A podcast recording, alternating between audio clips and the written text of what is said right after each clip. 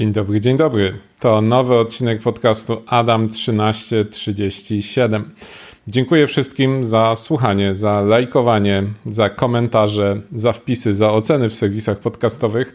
Dzięki temu wiem, że warto i wiem, że słuchacie. Także oklaski dla Was i więcej roboty dla mnie. Miałem nadzieję, że nikt tego nie będzie słuchał ani oglądał i będę miał święty spokój i będę mógł spokojnie porzucić nagrywanie, ale no cóż, nie daliście mi tej szansy. Pamiętajcie, pod adresem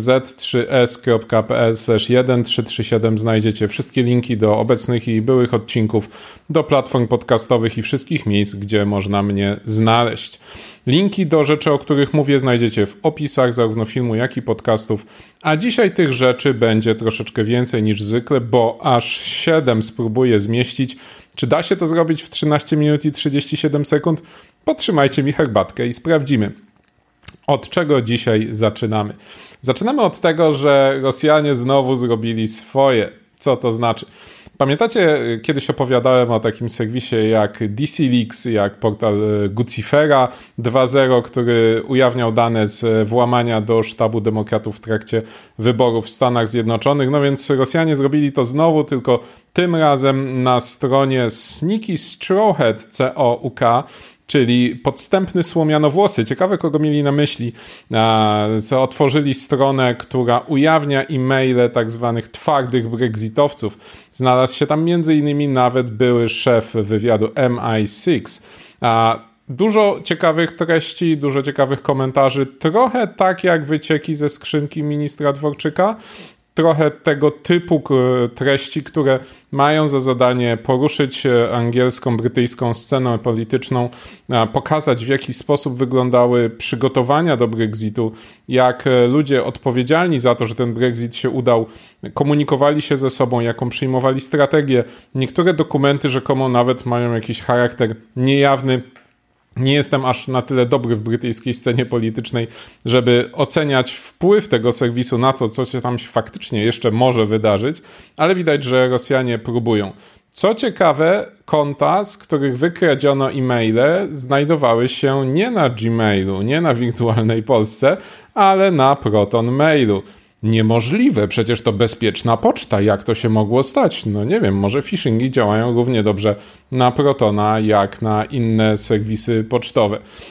Czy to prawda, czy nieprawda, nie wiemy do końca, nie znamy jeszcze pełnej analizy technicznej tego incydentu. Prawdopodobnie zostanie ona wkrótce ujawniona, jak nie teraz, to trochę później będziemy mogli przeczytać o tym, jak do tych wycieków doszło. Wygląda na skuteczny phishing. Skrzynki kilku ważnych po polityków brytyjskich można pobrać z internetu, co za niespodzianka.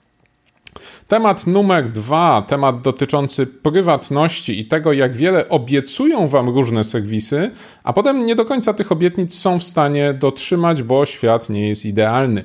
Tym razem bardzo lubiany przez osoby będące zwolennikami prywatności DuckDuckGo, który postawił się Google'owi i postanowił zbudować wyszukiwarkę, tylko że tą wyszukiwarkę musiał zbudować z kimś. Jak twórca mówi, no nie da się zrobić wyszukiwarki indeksującej cały internet samodzielnie, więc nawiązał współpracę z Microsoftem i ku zaskoczeniu absolutnie nikogo, jeden z audytorów badających nowe aplikacje DuckDuckGo, jego przeglądarki na platformy Android i iPhone, te prywatne przeglądarki zapewniające bezpieczeństwo i prywatność wycinają wspominające trackery i ciasteczka, okazało się, że blokują tych trackerów i ciasteczek bardzo dużo, Chyba, że są to trackery Microsoftu właśnie na stronach firm trzecich. Nie ma tych trackerów na stronie wyników wyszukiwania, ale jeżeli otwieracie jakąś stronę, gdzie Microsoft zamieścił swoje skrypty śledzące powiązane czy z LinkedInem, czy z innymi usługami Microsoftu, okazuje się, że te skrypty w tej przeglądarce się wczytują. Pełne zaskoczenie całego środowiska, serwis, który mówił, że gwarantuje wyższy poziom prywatności, robi jednak jakieś ustępstwa ze względów biznesowych. Sam założyciel DuckDuckGo tłumaczy, że taki zapis znalazł się w umowie z Microsoftem, będzie walczył o jego ograniczenie lub zredukowanie. No ale to pokazuje, że dużo obietnic łatwo jest złożyć. A oczywiście DuckDuckGo tłumaczy, że i tak blokuje najwięcej ze wszystkich, że i tak jest najskuteczniejszy w tym blokowaniu. No ale wy wierzycie, że blokuje 100%. Oni nie piszą, że blokuje 100%, bo zadbali o to, aby nigdzie taki komunikat się nie znalazł. To faktycznie na punkt na, na korzyść DuckDuckGo, natomiast no niestety te ograniczenia w blokowaniu często nas spotykają. Wygląda na to, że, że takie już życie w internecie. Punkt trzeci. Atak, który była, którego nie było, a może było, a może go nie było. Bardzo ciekawy atak pojawił się na e, biblioteki w repozytoriach e, Pythona i PHP. E, typowy atak na łańcuch dostaw. Ktoś dodał nowe wersje bibliotek okazało się, że jakiś sprawca przejął wygasłe domeny założycieli, twórców niektórych popularnych bibliotek.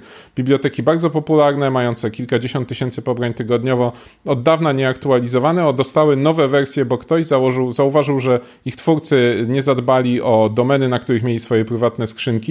E, tutaj uwaga, warto może jednak mieć skrzynkę na Gmailu, który raczej nie przestanie świadczyć naraz usług a następnie nie, nie zarejestrowali, nie przedłużyli tych domen i można było resetując ich konta e, po założeniu ich domen od nowa, przejąć e-maile z linkami do resetu hasła i przejąć ich konta w repozytoriach Pythona i PHP. Co ciekawe, złośliwy kod okazał się być naprawdę złośliwy, ponieważ nie tylko zaznaczał, że działa, ale na dokładkę jeszcze e, wyciągał kredenszale do AWS-a i do innych e, usług. Te credentiale były przesyłane na serwer atakującego i badacze okazało się, że dosyć szybko namierzyli tego atakującego. Okazał się nim być bodajże jakiś Turek, który z nienacka opublikował artykuł już po tym, jak został namierzony, że tak naprawdę to był taki eksperyment, żeby pokazać impact e, w obszarze bug bounty i on to wszystko zgłosił, tylko został zignorowany, jego zgłoszenia bug bounty zostały zamknięte jako duplikat, a on chciał po prostu pokazać, że to jest bardzo poważny problem i dlatego ukradł około tysiąca credentiali E, Amazona i innych usług. No, Ciekawe tłumaczenie, szkoda, że nie opublikował go zanim ten atak został odkryty. E, twierdzi, że wszystkie wykradzione hasła skasował, ale kolejność tych wydarzeń e, no, nie budzi wielkiego zaufania w ocenie rzetelności przedstawionego przez niego obrazu, czy też jego intencji. Następny news, terminale płatnicze w Niemczech okazały się z nienacka niedostępne. Podobno jest to dosyć już przyjętą tradycją w Niemczech, że tam nie ma terminali płatniczych. Przepraszam że są karty, e, ale nie ma terminali, ponieważ Niemcy bardzo lubią gotówkę i sklepy rzadko obsługują e, płatności kartowe w stosunku do tego, do czego przyzwyczailiśmy się w Polsce. Natomiast okazuje się, że popularne terminale Verifona instalowane prawie wszędzie i do tej pory mają tak naprawdę czas życia ich oficjalnie zakończył się w 2018 roku. E, ograniczone wsparcie mają do 2023, więc lada moment już umrą całkiem i wygasł im, proszę Państwa, certyfikat. Wygasł im certyfikat i okazuje się, że no teraz trzeba interwencji technika, aby ten certyfikat odnowić. No, to już nie jest dobra sytuacja, bo tam musi przyjechać technik i ten certyfikat odnowić. Niektórzy mówią, no dobrze, to trzeba certyfikaty wydawać na 100 lat. No nie, nie, nie. Trzeba certyfikaty wydawać, tak jak robi to Let's Encrypt, na co 3 miesiące, no bo to wymusza faktycznie automatyczny proces odnawiania tych certyfikatów, w związku z czym e, lepiej mieć certyfikat wygasający co 3 miesiące, bo to nas przymusi do zorganizowania procesu, do dbania o to, aby ten certyfikat zawsze był aktualny, niż mieć certyfikat wygasający raz na 5 czy 10 lat i obudzić się z ręką w nocniku i niedziałającymi tysiącami terminali płatniczych w całym kraju. No, pozostaje Niemcom mieć nadzieję, że mają wystarczające zapasy gotówki, dopóki terminale nie wrócą do życia. News numer 5 i to jest news taki bardzo kryminalny, a jednocześnie dosyć zabawny, ponieważ okazuje się, że izraelski detektyw wynajmował hinduskich hakerów na zlecenia rosyjskich klientów i to rosyjskich oligarchów. Między innymi pada tam nazwisko Olega Deripaski, potentata stalowego na rynku rosyjskim. No więc okazuje się, że ten izraelski detektyw przez jakichś pośredników łapał klientów właśnie takich bogatych, którzy chcieli się dowiedzieć, co ich konkurencja, co ich współpracownicy, co ich przeciwnicy na ich temat myślą, piszą i produkują. W związku z czym z usługami natychmiast oczywiście pojawiał się tutaj jakiś dostawca, bo rynek nie znosi próżni i hinduska firma Beltrox, pierwsza opisana jako aktor na rynku do wynajęcia przez Citizen Lab, e, oskarżana o to, że co najmniej 10 tysięcy skrzynek pocztowych zhakowała w ciągu co najmniej 7 lat działalności. Na liście ofiar rządy, w tym europejskie, inwestorzy czy też firmy inwestycyjne, firmy grające na spadek lub wzrost kursu akcji, e, firmy hazardowe, prawnicy, e, politycy, aktywiści, no każdy, czyjego skrzynka mogła być obiektem zainteresowania dla jakiegoś bogatego klienta. Właściciel tej hinduskiej firmy, zapytany przez dziennikarzy o co w tym wszystkim chodzi, odpowiada, że on do nikogo się nie włamywał, on tylko i wyłącznie pobierał maile na zlecenie swoich klientów po tym, jak ci klienci dostarczyli mu login i hasło, więc zakładał, że wszystko jest legalne że był tylko takim tech supportem dla klientów, którzy już mają login i hasło, ale zalogować się nie potrafią. Brzmi to jak dosyć marne tłumaczenie, a, no ale jakieś musiał przedstawić. W każdym razie ataki zostały odkryte, Facebook zablokował też jego konta, a technika stosowana przez tą hinduską firmę, oczywiście phishing a, i phishing e, po prostu z dobrymi szablonami, jakieś własne skracacze linków a, i dużo kampanii mailowych, dosyć uciążliwych kampanii, nawet potrafili wysyłać prośby, mm, znaczy formularze umożliwiające rezygnację z subskrypcji usług porno, aby wyłudzić dane logowania od swoich ofiar. No dobrze, news szósty, bo zbliżamy się już powoli do końca i tutaj bardzo ciekawy artykuł o tym, po co nam tyle grup APT. I słuchajcie, nie wiem, czy spotkaliście się z tym, jest to jeden z, z moich dla, dla, mnie niezrozumiałych tematów. E, mamy więcej czasu na mapowanie jednych nazw na drugie, niż tak naprawdę na szukanie napastników. Albo co malware, to inna nazwa. Więc jedna z organizacji napisała bardzo ciekawy artykuł, polecam linka o tym, jakie mamy problemy właśnie z nazewnictwem grup APT, a na dokładkę jeszcze niektóre schematy nazw są kradzione przez innych dostawców i używane w podobnym brzmieniu, ale niestety z innymi końcówkami, tak jak nie wiem, Miś wiemy dzięki CrowdStrike'owi, że to Rosja, a Panda, że to Chiny, a tu z nienacka ktoś wjeżdża na białym koniu i przypisuje jakieś nowe pandy i nowe misie i mamy już takie zamieszanie, że nie wiadomo o co chodzi. Polecam serdecznie lekturę artykułu. Może ktoś wymyśli jakiś system unifikacji tego nazewnictwa, bo to jest straszna sytuacja, nie da się żyć e, z takim zamieszaniem. Oczywiście marketing marketingiem, no ale gdzieś powinno być trochę rozsądku.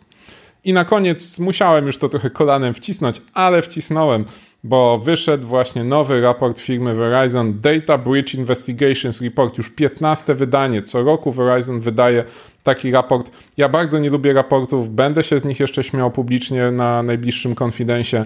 Natomiast ten raport jest jednym z niewielu wartościowych źródeł informacji o tym, jak przebiegają włamania, jak dostają się włamywacze do sieci ofiar, gdzie, w jakiej branży, jakie techniki są stosowane, w jaki sposób wchodzą, w jaki sposób wyciągają, kto jest tym włamywaczem, czy to ataki są raczej z zewnątrz, czy raczej z wewnątrz, jak wyglądają różnice w czasie przebywania w sieci ofiary w zależności od branży, od sektora. Naprawdę bardzo porządnie na tysiącach prawdziwych włamań przeprowadzona analiza. Jeden z niewielu raportów w sieci, który naprawdę warto czytać. Link oczywiście znajdziecie w opisie filmu. To już wszystkie newsy na dzisiaj. Jeszcze chciałem tylko dodać, że o 21 w niedzielę w rozmowie kontrolowanej pojawi się Tomek Wodziński. Bardzo ciekawa postać z rynku bezpieczeństwa. Będziemy mieli dużo ciekawych rozmów, szczególnie o tym, jak pracują soki, bo Tomek e, sporo czasu w takich organizacjach właśnie przepracował, niektóre nawet zakładał i obsługiwał. No i oczywiście pamiętajcie o tym, żeby na YouTubie zlajkować, subskrybować i dzwoneczkować e, mój kanał. A także czekam na Wasze uwagi. Podsyłajcie tematy e, z3s.pl/1337. Tam znajdziecie wszystkie odcinki, linki do aplikacji podcastowych. Widzimy się ponownie już za tydzień o 13.37. No i nie zapominajcie o tym, że za tydzień w poniedziałek zaczyna się Confidence. Jeżeli słuchają mnie osoby, które się na Confidence'a wybierają, a mam taką wielką nadzieję, to do zobaczenia, podejdźcie, przybijcie piątkę i powiedzcie, co sądzicie o programie. A tymczasem dziękuję i do usłyszenia.